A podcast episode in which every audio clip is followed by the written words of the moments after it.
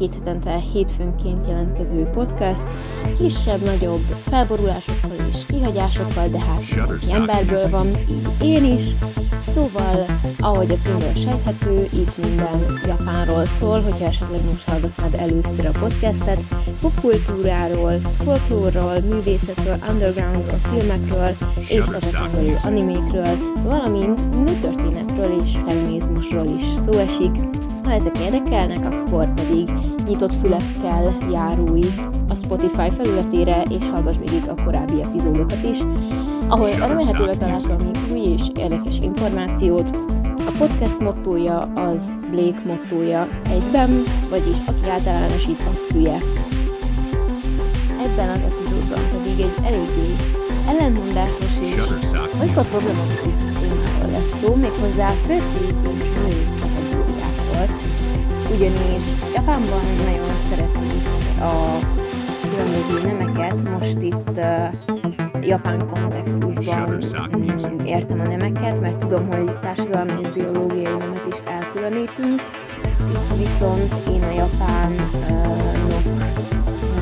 mentalitását, az ő általuk általánosnak tett uh, nemi kategóriákat tekintem, mert ott ebben most nem akarok belemenni, de sokkal komplikáltabb a női, férfi biológiai nem, illetve a társadalmi elkülönítése. Én még tanulmányokat nem nagyon ö, láttam, Japánról szóló tanulmányokat, japánok által írott Japánról szóló tanulmányokat, amikben kiemelték volna, hogy van társadalmi, meg biológiai nem. Én ezt csak angol nyelvű, nem japán kutatóknál láttam, úgyhogy így maradok a, az eddig ö, hagyományosnak tartott ö, férfi-női kategóriáknál, így ezt nem szeretném, hogyha bárki is magára venné, aki esetleg mondjuk non-binary, vagy bármilyen más ö, identitású személy, így ne vegyétek magatokra, én itt az újságcikkek által elkülönített, kiemelt nemi kategóriákról fogok beszélni. Egyébként ez egy nagyon érdekes téma, hogy most a társadalmi biológiai nemet hogyan tekintik Japánban, emellett például mondjuk a transzexuálisok milyen jogokkal élhetnek Japánban, elárulom nem sokkal, inkább a nullával konvertál, és hogy a melegeknek milyen a helyzete Japánban. Ez egy nagyon komoly téma, nagyon komoly kutatást is igényel ahhoz, hogy én ezt minden aspektusból be tudjam mutatni, úgyhogy ez egy később szóba kerülő topik lesz, de vágjunk is bele. Hozzáteszem, hogy ezeket a nemi kategóriákat nagyon-nagyon-nagyon idézőjelesen kell venni, mert nem lehet ilyen módon, ahogy látni fogjátok, általánosítani. Viszont vannak egyes ö, elnevezések, amelyek társadalmi jelenségekre reflektálnak, ahogy ezt majd látni fogjátok. Ez egy kicsit hosszúra nyúló, magyarázkodó szekció, de szerintem muszáj, mielőtt engem is ö, eltörölne a cancel culture, bár hála Istennek annyira még nem vagyok felkapva, úgyhogy ilyen veszély szerintem nem fenyeget, de senkit nem szeretnék megbántani minden esetre. Amiatt is egyébként ezt mindenképpen nagyon idézőjelesen és jó sok iróniával és cinizmussal és humorral kell kezelni, mert ezek nyilvánvalóan online magazinok, plegykalapok, nagyon nehezen komolyan vehető női magazinokból szedtem ezeket a kategóriákat, amúgy meglehetősen frissek voltak ezek a cikkek, a frisset úgy értem, a, frisset úgy értem, hogy 2018-tól 2020-21-ig, úgyhogy um, vágjunk is bele, és nem probléma, hogyha te semmelyik kategóriával nem tudsz azonosulni, mert nyilvánvalóan sokszínűek vagyunk, és ez egy csodálatos dolog, és én is ezt támogatom, de Japánban nagyon régi múltra tekint vissza az, hogy így kategorizálják az embereket. Ilyen volt például a 20-as évek, 1920-as évekig bezárólag a New Woman, ami ugyebár egy globális jelenség volt, és ez Japánban is jelen volt, így hívták a nagyon társadal, akkori kor társadalmi ideálját megtörő új típusú nőket, akkor ott voltak még Japánban például a patrióta nők, akik a katonákat, a nacionalizmust éltették, természetesen így egy császárt, hiszen Japán a 20. század elején erősen, erősen militarizálódott, és egy nagyon szélső jobboldali, szélsőséges politikát képviselt, és ebből bizony a nők is kivették a részüket, és nyilvánvalóan ők támogatták a hazafi katonákat, és éltették a rendszert.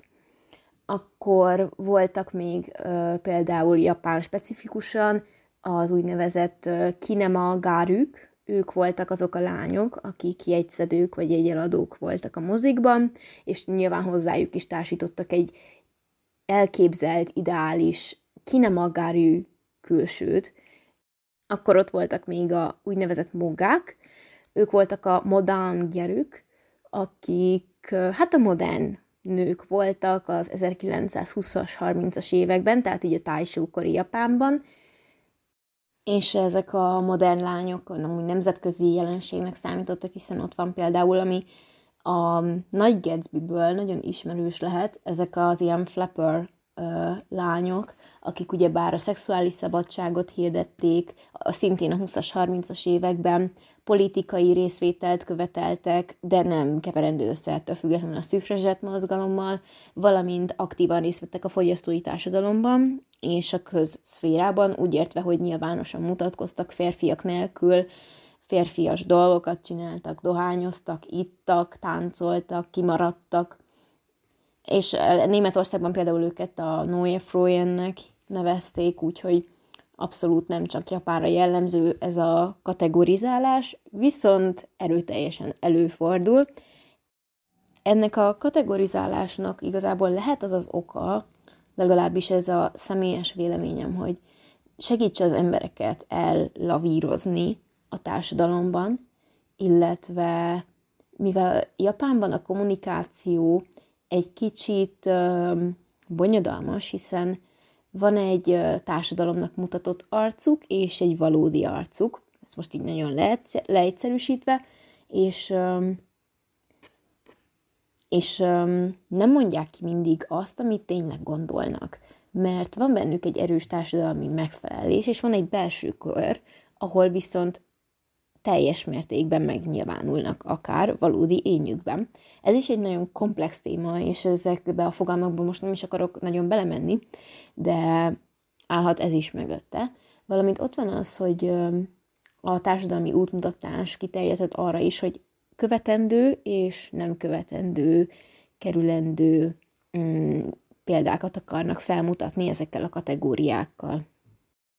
Ilyen volt például Kelet-Ázsiában, ugye itt Kínát, Koreát és Japánt értem ez alatt. Ez a jó feleség és bölcs anya kifejezés, ez japánul a jó száj. Hát igen, ami a nevéből is mm, kikövetkeztethető, hogy ez az otthoni, tűzmeleget adó anya, anya szerepet betöltő nő, aki nyilvánvalóan hűséges a férjéhez, és a háztartást vezeti. Tehát ez volt az ideális nő az 1800-as évek végén és a 20. század mm, elején, ugye így az első világháborúig, sőt, igazából még utána is, de erről egyébként egy könyvet is írtak 875-ben.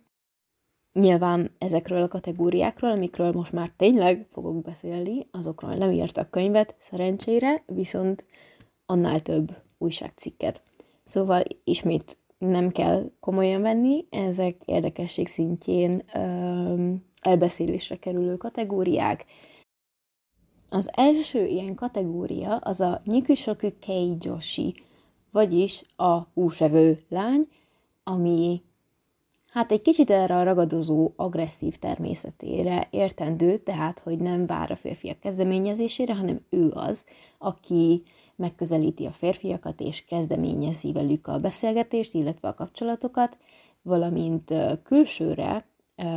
merész ruhák, a bevállalós külső, festett haj, műköröm, erős mink, jellemzi több bőrt mutatnak meg. A parti, bulik, társaságok közepébe kerülő személyek, tehát nagyon szociális típusok, illetve romantikus kapcsolatok keretében könnyebb, könnyen megvallják az érzelmeiket, könnyebben kimondják azt, hogy szeretlek, vagy hogy bejössz nekem, és így például a kicsit visszahúzódóbb ö, pasiknak a kedvelt típusa, vagy szebb szóval élve akkor inkább esete, és könnyen felmerik hívni magukhoz a férfiakat, ebből fakadóan hajlamosak az emberek ugye nyilvánvalóan őket slut szóval igazából ez a kategória így univerzálisan annak felel meg, hogy azokat a nőket jelenti, akiket nagy eséllyel mindenki lekurváz á, nagy átlagban, mert hogy ők azok a karakán nők, akik ugyebár a szexpozitivitást képviselik mondjuk, illetve az, az egyészakás kalandokat sem vetik meg, amivel egyébként tényleg semmi baj nincsen,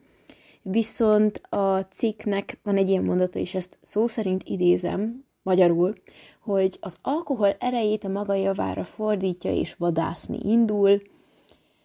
Hát a problematikusság az itt már felmerül, felmerül de az a lényeg, hogy ez egy olyan káros sztereotípia, ami tényleg a slut ad okot, viszont szerencsére azt is leírják, hogy a látszat csal, mert ad, akkor igazad meg, akkor ismered meg igazán, hogyha beszéltél is vele. Ez amúgy mindenkire igaz, minden emberrel azért egy beszélgetés folyamán tudunk közelebbi, mélyebb kapcsolatot kiépíteni, ahogy megismerjük fokozatosan, úgyhogy legyen ez, sőt, ez a podcast epizódnak most az üzenete, hogy ne ítélkezzünk felszínesen, ahogy mondjuk ezek a női magazinok, online magazinok reklámozzák a dolgot, hanem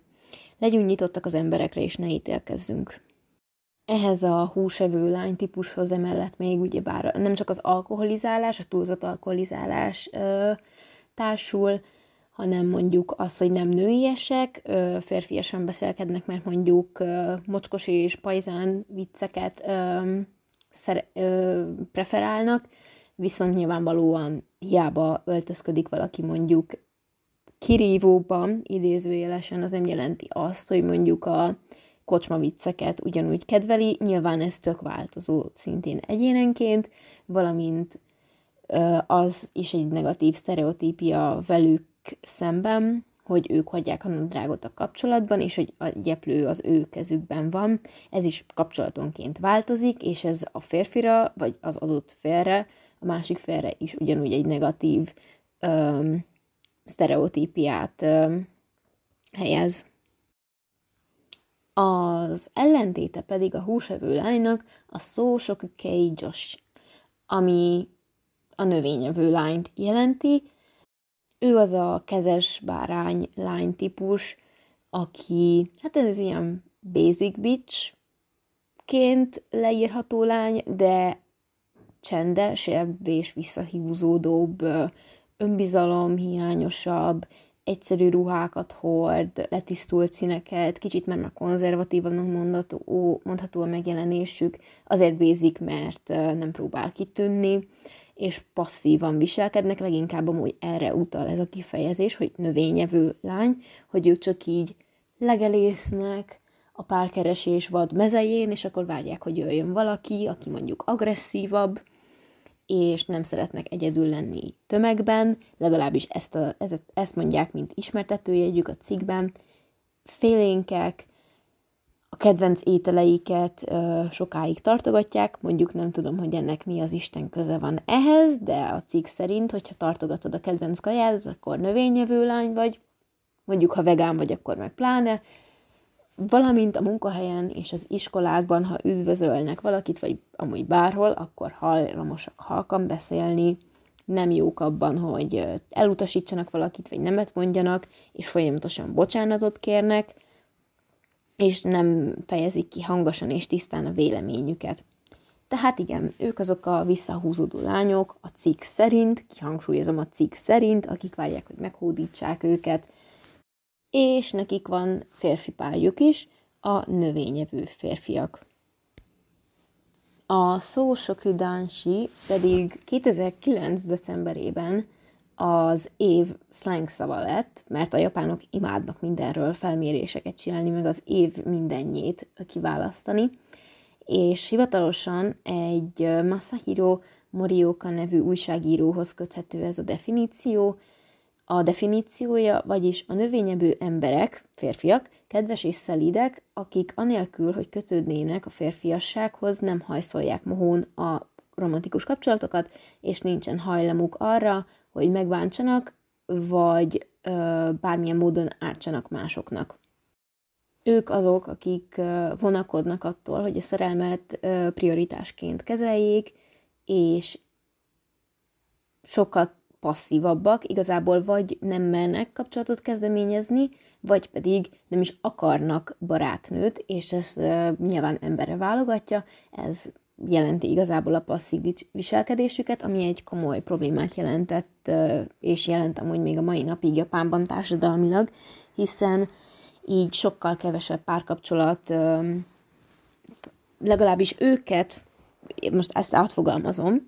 őket hibáztatták azért, hogy sokkal kevesebb párkapcsolat alakul ki Japánban, ugyebár ahogy nálunk is, meg amúgy rengeteg modern, modern fejlett országban csökken a népesség, és ez Japánra is ugyanúgy igaz, ott is egy, egy öreg, előregedő társadalomról van szó, és nyilván keresik az okát, hogy miért nem születik elég gyerek, biztos Japánba is be kéne vezetni a csokot, és akkor talán kicsit javulnának a statisztikák, mert itt is annyira kurva jól működik, hogy szüljél pénzért, na mindegy, és, és ezeket a férfiakat ö, tartották felelősnek azért, hogy, hogy csökken a társadalom létszáma, csökken a népesség. Nyilván ez ennél sokkal komplexebb dolog. Rengeteg társadalmi probléma áll ennek a hátterében, amit egy másik epizódra tartogatok kifejteni. Visszatérve a növényevő férfiakhoz, leginkább az bizalom teljes hiánya, bizalmi problémák gátolják meg őket a kutatók szerint, mert ez egyébként egy szociológusok által kutatott téma. Ő akadályozza meg őket a, igen, az önbizalom hiányában, hogy kialakítsanak és kezdeményezzenek egy kapcsolatot, illetve gyakran inkább a hobbiuk, valamint a munkájuk az, ami öm, az első helyre kerül, ezekért ugyebár személyesen rajonga, szenvedélyesen rajonganak, itt jön be például ez az otaku kérdés, mert maga az a személy, nem férfi, hanem bármilyen személy, aki nagyon mélyrehatóan, iszonyan buzgóan, már-már néha az egész, ez, sőt, az egészséges szintet túllépve bele veti magát egy szabadidős tevékenységbe, vagy valamilyen érdeklődési körbe, akkor az egy otaku de nem minden otaku férfi a anime figura alakú párnát ölelgető, arra rejszoló, otthon a kitapétázott, idol tapétázott szobában nyáladzó, kopaszodó szemüveges 40-es faszikat jelenti, hanem mondjuk például, ha szeretsz mondjuk a Harry Potter rajongók, ha valaki mondjuk fanfiction olvas, vagy ír Harry Potterből, mindig elmegy a premierre amikor kijön az új, mondjuk most legendás állatok és megfigyelésük filmek, akkor ő például egy otaku, és nyilvánvalóan ennek van egy elősen pejoratív jelentése is, és egyén függő az, hogy ez beteges mértéket ölte, ez a hobbi. Egyébként maga a, a növényevő férfi fogalma az egy Fukasava Maki újságírótól származik, 2006-ban jött létre, és a kutatók szerint a számuk azóta is folyamatosan nő. Úgy vélik, hogy az is a hátterében állhat ennek a jelenségnek, hogy túl hosszú időbe telik, amíg egy barátságból egy kapcsolat, egy párkapcsolat létrejön, illetve az eljut a házasságig, vagy házasság nélkül a családalapításig, illetve érdektelenek magukban ezekben a romantikus és szexuális kapcsolatokban, így ebből kifolyólag a családalapításban is, valamint ugyebár az önbizalmi problémákból fakadóan nem tudnak maguktól, magukról jól, tartalmasan beszélgetést folytatni. Egy Yasuhito Sekine nevű, magát amúgy növényevű embernek való, valló férfi, aki megalapította az úgynevezett Sweets Clubot, igen, ez a desszert kedvelő emberek csoportja, nyilatkozta azt, hogy férfiaknak az 1980-as években Japánban agresszívnek és szenvedélyesnek kellett lenni, ezt viszont ráerőltették a japán férfiakra, hiszen öm, akkoriban is, meg a mai napig is az számít menőnek, hogyha a férfiak az alkoholt, illetve a fűszeres ételeket kedvelik, kedvelik attól, illetve attól férfiasak, és ő például ugyebár a klub alapítója lévén imádja a desszerteket, ezek, ezek érdeklik, és az apja is például szerette a desszerteket, viszont nem mutathatta ki ezt nyilvánosan, vagy úgymond uh, nyíltan nem fejezhette ki, hogy mondjuk kevésbé macsós uh, ételeket kedvel, és manapság meg most már érvezhetik a férfiak ezt a fajta szabadságot, azok, akik mondjuk um, más érdeklődési körűek és más ízlésűek, valamint mondjuk kicsit visszafogottabb személyiségek, és az ő gyűjtő helyük igazából ez a klub. Ami egyfajta safe space-ként szolgál nekik, ahol ugyebár nyugodtan uh, társadalmi ítélkezés nélkül beszélgethetnek mondjuk az általuk kedvelt vagy preferált ízekről és desszertekről, és Japánban lehet, hogy ez azzal is összekapcsolódik, hogy a főzés, a házi munka az inkább így a nőknek a reszortja, és mondjuk nem túl férfias, hogyha valaki így főzéssel foglalkozik, viszont amúgy meg így a legtöbb étteremben a séf az meg férfi. Szóval ez így elég ellentmondásos szintén, és sokrétű dolog,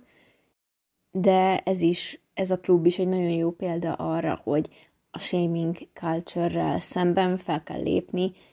mert az mindenkit megtalál, nemtől identitástól függetlenül, és még így a férfi macsóság, puhányság, sztereotípiára visszatérve, ott van például, ami mondjuk ismerős lehet szerintem több embernek, amivel többen tudnak talán azonosulni, hogy mondjuk egy férfi, hogyha egy nőies, idézőjelesen nőies koktélt kikér, akkor már egyből így, ah, buzi vagy. És könyörgöm, hadd ígya már a szerencsétlen meg a kozmopolitenjét, vagy a gin tonikját, vagy a Moszkó Mulját, ami a legjobb koktél egyébként, ami valaha is megszületett, mindegy. Meg ha valaki nőlétére idézőjelben nőlétére meg akar inni egy korsó sört, hadd igya. Most őszintén, ki nem szarja le? És borzasztó egyébként, hogy ilyen piti dolgokba belekötnek emberek, és ilyen tényleg hangyafényi dolgokhoz mi is nemi sztereotípiákat kötünk, mikor pont, hogy az étel az egy olyan dolog, ami összehozza az embereket, és egy nagyon nagy családi esemény, most, hogy ez húsvét hétfőn veszem fel, ugye, így maradnék is a húsvétnál, ott is a család összegyűl az asztalnál, és mindenki eszik, iszik, megy a dínomdánom, és miért kell ezt is elrontani ilyenekkel, hogy most akkor ki ihat pálinkát nő-férfi létére, ki mennyit ihat nő-férfi létére, mennyit ehet nő-férfi létére, mert ugye bár a nőnek mindig kevesebbet kell lennie a férfiaknál, nem. És ha én meg akarok enni két hamburgert, akkor megeszem azt a két hamburgert. Hogyha egy öm, csávó salátát akar kérni, mert azt kívánja, akkor azt teszi meg. És tényleg, miért kell mindent kategorizálni? Egyszerűen csak mindenki tegye azt, amit szeretne.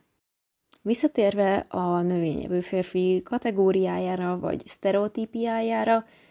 ugyebár Fukasava Maki a mai napig az egyik legfőbb szakértője a témának, és egyébként egy könyvet is írt róla, The Herbivore Generation címmel, ebben pedig 23 különböző alkategóriára bontotta le a növényevőket, rengeteg idézőjelben, és azt állítja, hogy a növényevők lázadnak az apáik nemzedéke ellen, és tudatosan elfordulnak a korszak az apai generáció korszakának macsó erkölcseitől és ö, feltűnő fogyasztási mintázatuktól. Emellett pedig a saját generációjukkal ö, szemben is a saját generációjukon belüli elvárásokkal szemben is mutatnak ugyebár ellenszenvet és ellenállást, akár csak az idősebb generációval szemben, és nem akarják ugyanazt az életet élni, mint mondjuk az apjuk vagy a nagyapjuk, és a gazdaságra is egyébként jelentősen hat ez a jelenség. Például visszaesett az olyan férfias státusztermékeknek a, az eladási száma, mint mondjuk az alkohol, vagy az autók, vagy technikai eszközök, illetve a dohánytermékek. Illetve Fukaszava is rávilágít arra, hogy milyen pénzügyi és társadalmi hatásai vannak ugye a növényevő passzív férfiaknak. Ilyen például ugye bár az, hogy kevés dologra költenek, leszámítva mondjuk az egy-két hobbiukat. Ebből kifolyólag ugye nyilvánvalóan kapitalista társadalom révén ö, nem a megfelelő fogyasztói magatartást gyakorolják, bár nyilvánvalóan ez a bolygó szempontjából nézve például mondjuk, hogy kevesebb autót vásárolnak, az kifejezetten pozitív hatással van a környezetre, illetve lehet, hogy valakinek mondjuk az alkohol problémáit is az okozza, hogy ugye társadalmi elvárás az, hogy folyamatosan alkoholt fogyasszom, például mondjuk az üzleti szférában, az ilyen üzleti iszogatásoknál, azért sokszor előfordult, és előfordul a mai napig az, hogy főleg nőkre erőltetik azt, hogy igyanak az ilyen üzleti találkozókon, és nyilvánvalóan ez ezeket az iparokat elég gyengén érinti, viszont elég szomorú az, hogy ugye bár ezt olyan gazdasági szakértő, aki tényleg teljesen profitorientált, az mennyire egy oldalról tudja tekinteni ezt az egészet a gazdasági okokból, vagy tekintetből, és itt most nem a fukaszavára gondolok, hanem rajta kívül ilyen iszonyúan csőlátású kapitalista cégekre gondolok most. És akkor ott van az a probléma, hogy ugyebár csökken a születésszám. Nyilván itt ezt nem lehet a férfiaknak a számlájára írni, ahogy a nők számlájára sem lehet csak úgy írni. Itt nagyon összefüggő és egymásba torkoló problémákról van szó, Ráadásul ott van az, hogy ahol tényleg jólét van, a társadalom nagy része számára legalábbis, ott csökken egy idő után a születésszám. És ahol már a nőket is felelősségre vonják ebben a kérdéskörben, az hát ilyen gondolatokkal kapcsolódik ide, hogy Manapság a nők már képzettebbek és szívesebben dolgoznak, így a nők már ijesztőek. Ezt egy másik ilyen növényevő férfi mondta, és ezzel a mondattal visszacsatolva az előző húsevő nő kategóriájához, ugyebár ez elijeszti a férfiakat, hogyha egy nő túlzottan önálló és magabiztos, és mondjuk esetleg valamilyen tekintetben ő kép, képzettebb nála, vagy edukáltabb, vagy mondjuk nagyobb szaktekintély, vagy mondjuk jobb helyen dolgozik, jobb cégnél, jobb pozícióban. És ugyebár a gazdasági megerősödés az a dolgozó japán nőknek is köszönhető, és tudják, hogy mit akarnak, és ez nyilvánvalóan egy visszahúzódó embernek esetleg szokatlan lehet, mert ő nem olyan. Illetve ott van még az a társadalmi berögződés, hogy ugyebár legalábbis a patriarchális rendszerben, ami amúgy mindenhol jelen van, hogy a férfinak kell ugyebár fentebb állni a pozícióban. Nyilván ezek iszonyúan ódivatú és, és abszolút nem humánus gondolatok, viszont van olyan van olyan szintje az üzleti kultúrának, ahol viszont ezt gondolják, illetve továbbra is vannak, és főleg Japánban olyan emberek, akik mondjuk ezt még hasonlóan gondolják, illetve tényleg, hogyha valaki visszahúzódó, most egy férfi, akkor akkor természetesen egy a visszautasítás esélye az mindig ott van, az, az a veszély mindig fennáll. Egy visszahúzódó ember ezt nyilván sokkal negatívabban éli meg, még mondjuk egy magabiztosabb ember mm, kevésbé negatívan. De ez persze egyénfüggő, helyzetfüggő, nexus, kontextus függő, úgyhogy ezekről nem lehet azért ennyire könnyen és általánosítva beszélni, és ezért tartom rossznak, vagyis negatív hatásúnak ezeket a cikkeket, mert iszonyúan általánosítanak, és én értem, hogy a társadalomban az ok-okozati viszonyokat keresik egy ilyen viszonylag univerzálisabb közegben, viszont azért olyan kategórikus kijelentéseket tenni magánemberként is kicsit el, elhamarkodott azért kijelenteni olyat, hogy, hogy a nők ijesztőek, mert uh, szívesen dolgoznak, vagy mert a gazdasági erőnek egy komoly részét képezik a munkaerőpiacon. Ugyanakkor, ha azt nézzük, hogy ugyebár ott vannak ezek a húsevő nők, a magabiztosabb nők, a, akik egyfajta szexuális forradalmat és szabadságot hirdetnek Japánban, akkor viszont valamilyen szinten leemelik a férfiak válláról a kezdeményezés kényszerét, mert szerintem ez egy nagyon toxikus dolog. Nagyon sok toxikus hatás éri a nőket, meg a férfiakat is, és a férfiakat különösen az, hogy mindig nekik kell kedve, kezdeményezni. Mindig ők azok, akiknek kezükben kell tartani egy kapcsolatot, és ez egyáltalán nincsen semmilyen nemhez kötve, mindenkinek ott van a lehetőség, hogy megtegye a lépést, és nyilván valakit az pláne el tud bátorítani, mondjuk a férfiak esetében, hogy kötelező neki megtenni az első lépést, és meghódítani a nőt, ami szintén egy iszonyúan rossz kifejezés szerintem. És um, ott vannak ezek a bátor nők, akik nyitottak, és ők átveszik igazából ezt a feladatot, hogyha szükséges természetesen, és így ez egy kicsit a férfi frusztrációt is talán oldhatja, hogy egyre több olyan nő van, akinek az anyagi stabilitása mellett van egy, egy személyi szabadsága és egy, egy, szab, egy percepcióváltása azzal kapcsolatban, hogy most így melyik nemnek hogy illik viselkedni a romantikus kapcsolatokban. És mivel a többi embertípus annyira nem vág ide, így úgy döntöttem most, hogy ez egy több részes sorozat lesz,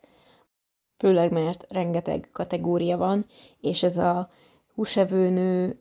növényevő, férfi növényevő nő, ez így nagyon összekapcsolódik, és ez kicsit külön is kezelendő, mert ezek tényleges társadalmi jelenségeket és társadalmi problémákat fejeznek ki és írnak le. Míg mondjuk a Suizu Josh vagy a Masumaro Josh, azok nem írnak le annyira ilyen társadalmi jelenségeket, sokkal inkább tényleg egy, egy sztereotípiát testesítenek meg, így a következő részben ezekről a sztereotípiákról fogok beszélni. Ha érdekel, hogy milyen a Kurimuké Josh, illetve lesz még szó a Nekoké Joshról, valamint a Cougar jelenségről, ami mondjuk az így anyátokból lehet ismerős. Szóval ha érdekelnek a, a sztereotípiák, és szeretnéd azokat lerombolni az elmédben, akkor tarts velem a következő részben. Két hét múlva találkozunk, amikor megtudhatod, hogy mit jelent az, hogy szója szószarcú férfi, mit jelent az, hogy miszóarcú férfi, vagy éppen milyen arca lehet a sós férfinek, és a sóst azt most nem feltétlen egy testnedv ízére értem, sőt, egyáltalán nem úgy értem, úgyhogy találkozunk két hét múlva hétfőn, addig is mindenki vigyázzon magára, és remélem, hogy tetszett ez a kis epizód. Sziasztok!